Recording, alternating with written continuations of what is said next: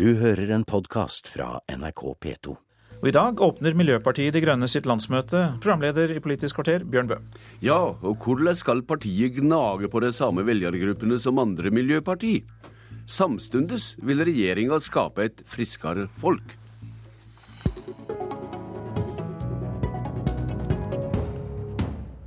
I dag legger regjeringa fram melding om folkehelsa. Et av måla er at Norge skal være blant de tre landa i verden som skal ha lengst levealder. Helseminister Jonas Gahr Støre, hvorfor er det et viktig mål i seg selv? Ja, det er vel et, et talende uh, uttrykk for uh, uh, hvordan vi ser på totale helsen i et land. det er ikke noe mål i seg selv å vinne gullmedalje på den seiersballen. Men sånn på 50-60-tallet så var Norge det landet i verden hvor du levde lengst. Nå er vi blitt forbigått av 10-15 land, ikke fordi vi lever kortere, men fordi de går forbi.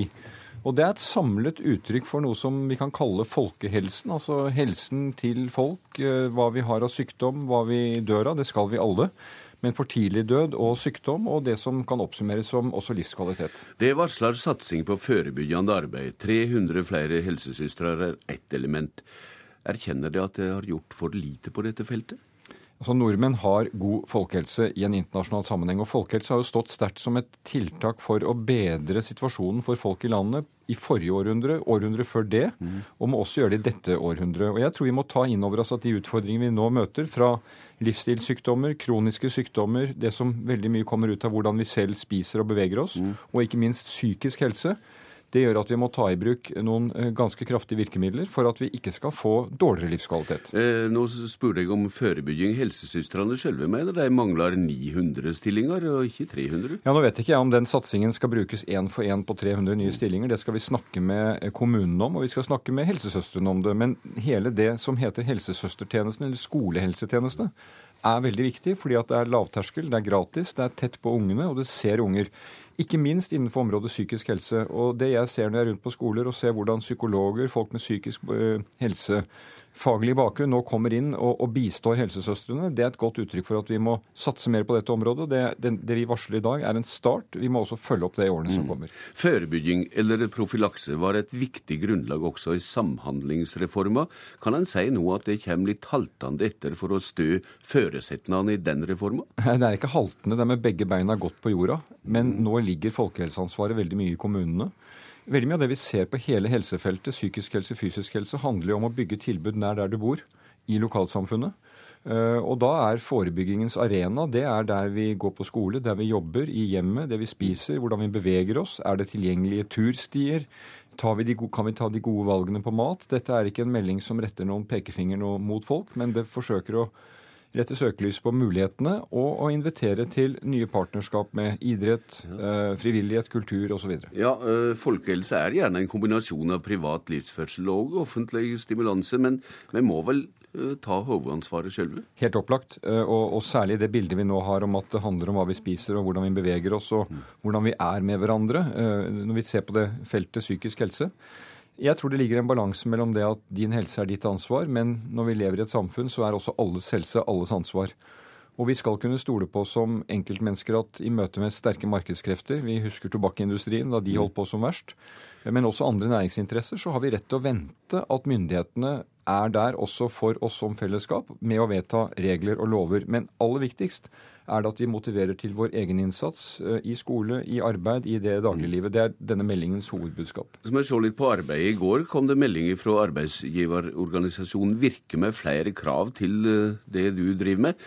Mer brukervennlig arbeidsmiljølov, forenkling av sykefraværsreglene, bort med skatten på trening betalt av arbeidsgiver, mindre moms på sunn mat, heter det.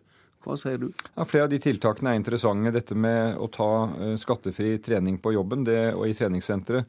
Det uh, forslaget forstår jeg, men det jeg ser når jeg er ute og lytter, er at det viktigste tiltaket for å få uh, det store flertallet i bevegelse, det er friluftsliv. Et veldig godt norsk ord. Det er å gå noen skritt, begynne å bevege seg. Stillesitting er kanskje den viktigste diagnosen vi har. Og de som kanskje går på treningssenteret ved å få skattelettelse av det, de går nok på treningssenteret allerede. Så jeg tror ikke det er der vi skal sette inn pengene. Og det ser du jo på den hovedsatsingen. Flaggskipet egentlig på pengesiden er jo da skolehelsetjenesten. Mm. Eh, og så tror jeg at jeg vil invitere eh, næringsliv, arbeidsliv, eh, arbeidstakere, arbeidsgivere til å sette seg ned og snakke sammen og si hvis vi bedrer folkehelsen på vår arbeidsplass ved at folk beveger seg, spiser sunnere, så er det økonomisk bra for bedriften, og det er bra for trivselen for de som jobber der. Hvis 40 av alkoholforbruket er knyttet på en eller annen måte til jobbsammenhenger, vel, da har også jobben et ansvar når nå alkoholforbruket blant nordmenn, og særlig oss i voksen alder, øker. Så det er slikt ansvar ute i samfunnet vi må bidra til å stimulere til. Men arbeidslivet er altså sentralt for håndtering av bedre folkehelse. Du, ja, sa, det. du sa det. Absolutt. Og jeg mener at det trepartssamarbeidet som vi er vant til i Norge, bør sette disse spørsmålene mer sentralt på dagsorden. Det er jo inne i disse IA-avtalene inkluderende arbeidsliv, men enda mer. Og jeg kunne ønske meg et firepartssamarbeid der vi også inviterer inn de frivillige organisasjonene, de som eh, er så aktive i det lokalmiljøet som vi har behov for å aktivisere. Forebygging er langsiktig. Hva tidsperspektiv har du på å skape et målbart sunnere folk? Nå foreslår jeg at hvert fjerde år bør vi ha en folkehelsemelding i Stortinget hvor vi rapporterer på det som er av eh, utviklingstrekk og kan diskutere det. Men du vet, Forebygging er både kortsiktig og langsiktig. Hvis du begynner å bevege deg litt når du har beveget deg lite, hvis du trapper ned røykingen, så merker du veldig fort effekt. Så man kan si til folk som ønsker å ta sånne tiltak, at det skal lite til for stor effekt. Det er på personnivå. For et samfunn tar disse tingene noe lengre tid. og Det er derfor jeg har spissformulert ved å si at det er bedre å bygge friske barn enn å reparere syke voksne. Det sier jo noe om at en god barndom den varer hele livet, og de tiltakene vi klarer å sette inn tidlig, de legger grunnlag for at du kan uh, leve et liv med mindre plunder og høyere livskvalitet. Vi skal en eller annen gang ende dette livet også, det skal vi ikke mystifisere. Men det er jo et mål i samfunnet at vi lever liv som, uh, som, som er gode, og at vi også kan leve det når helsen begynner å uh, bikke. Da får vi gå ut og gjøre oss klare til det gode liv, eh, helseminister Jonas Gahr Støre. Du får ta sykkelen, for nå er det altså sykkel til jobben. Og her ser jeg Heikki Holmås sitter, og han er en syklist hele døgnet. takk, til, takk til deg, helseminister Jonas Gahr Støre. Hele innholdet i meldinga blir kjent seinere i dag.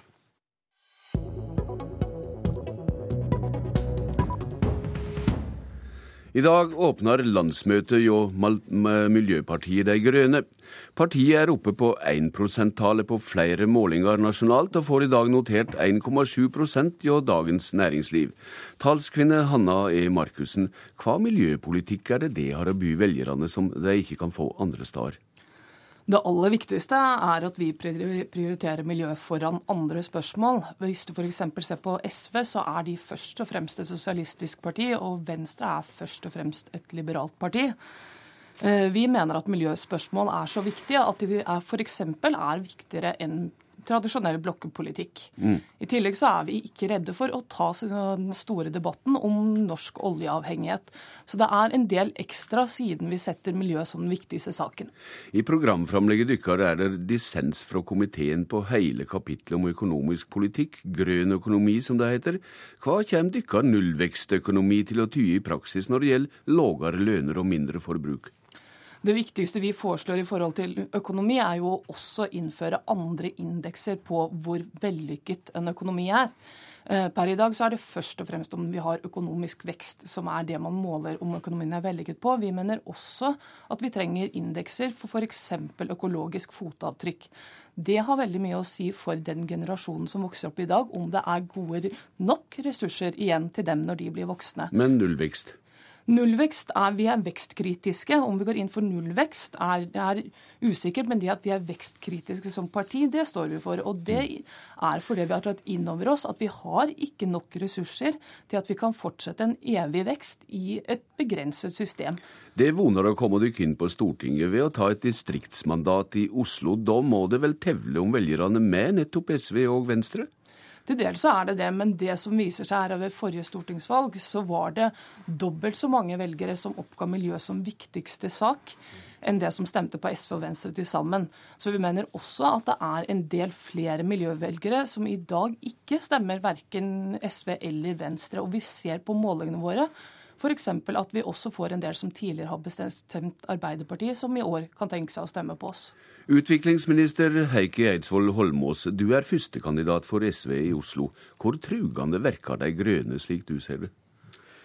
Nei, altså jeg er jo bekymret selvfølgelig for at vi skal spre, spre miljøvelgerne på flere partier. fordi at eh, det er klart at når jeg leser partiprogrammet og utkastet til partiprogrammet til Miljøpartiet De Grønne, så oppfatter jeg jo at de ligger et sted mellom SV og Rødt, og kanskje nærmere Rødt. Og da eh, stiller jeg spørsmålet trenger vi ett til parti eh, på, på, det området som skal kjempe om de velgerne. Jeg, eh, jeg syns det er bra at eh, Miljøpartiet er tydelig på å slåss for miljø, og jeg ser på de som en alliert der. Jeg ser i Oslo og, og Bergen og, og, andre steder så ser vi at uh, både miljøforslag som fremmes av SV, og, får støtte fra Miljøpartiet De Grønne, og Miljøpartiet De Grønne er sjøl med på å fremme miljøsaker. Men jeg tror jo at skal vi klare å få løst de store, viktigste store klimaendringene og klimautfordringene i verden, så er du nødt til å ha et parti som både klarer å se at du trenger å kutte i klimautslippene, og samtidig klarer å skape rettferdig fordeling. Og Der er det SV som er det tydeligste og klareste alternativet. jo, Men eh, hvordan opplever du denne styrkespreiinga, da? Eh, tanken om at flere partier med miljøprofil kan nøyleie for hverandre, rett og slett? Det er, alltid, det, er alltid en, det er alltid en fare. Men, men, jeg eh, vil jo tenke som så at eh, vi har sittet nå eh, åtte år snart i, i regjering. To ganger har vi klart å stoppe utbygging av ja. olje i Lofoten, Vesterålen og Senja. Vi har tatt vare på Oslomarka og, og, vernet natur på en bedre måte. Og vi har satt i gang den største satsingen på fornybar energi. Jeg tror jo at mange ser at SV er et miljøparti som får gjennomslag for miljø i, i regjering. Hanna E. Markussen, hvor er det SV svikter? Svikter, og det må komme til.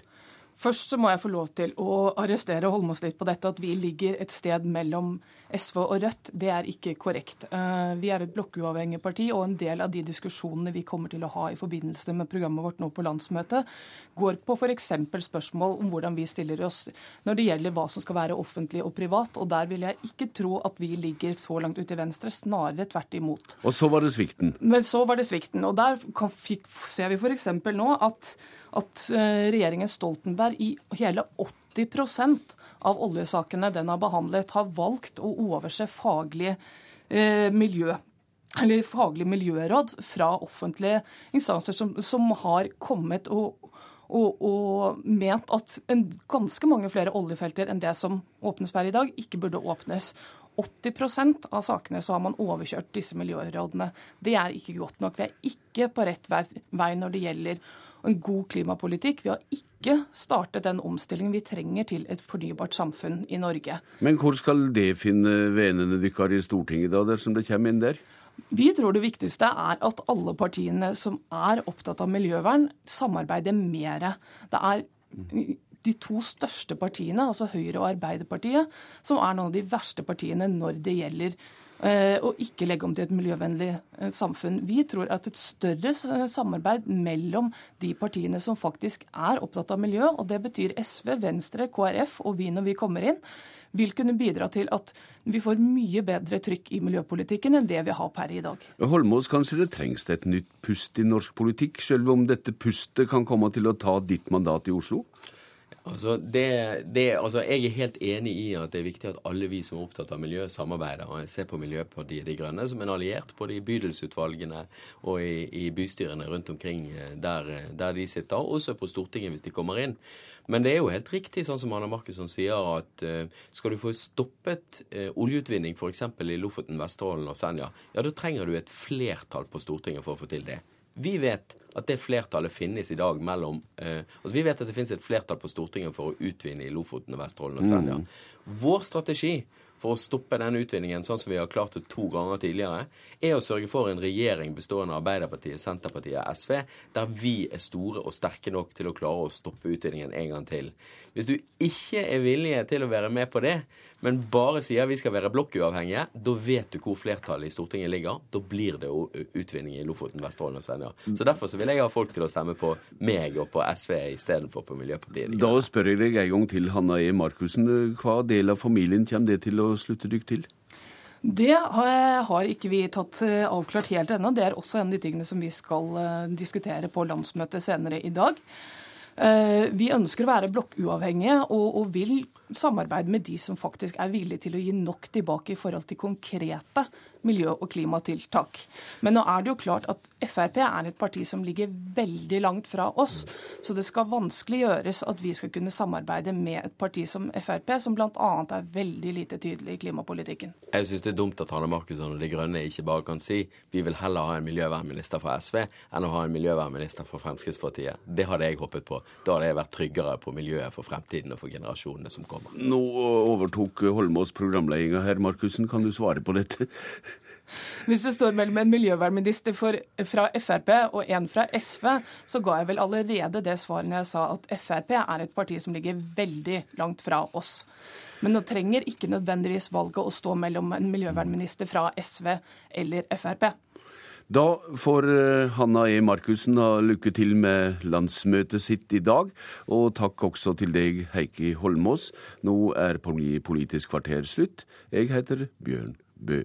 Du har hørt en podkast fra NRK P2.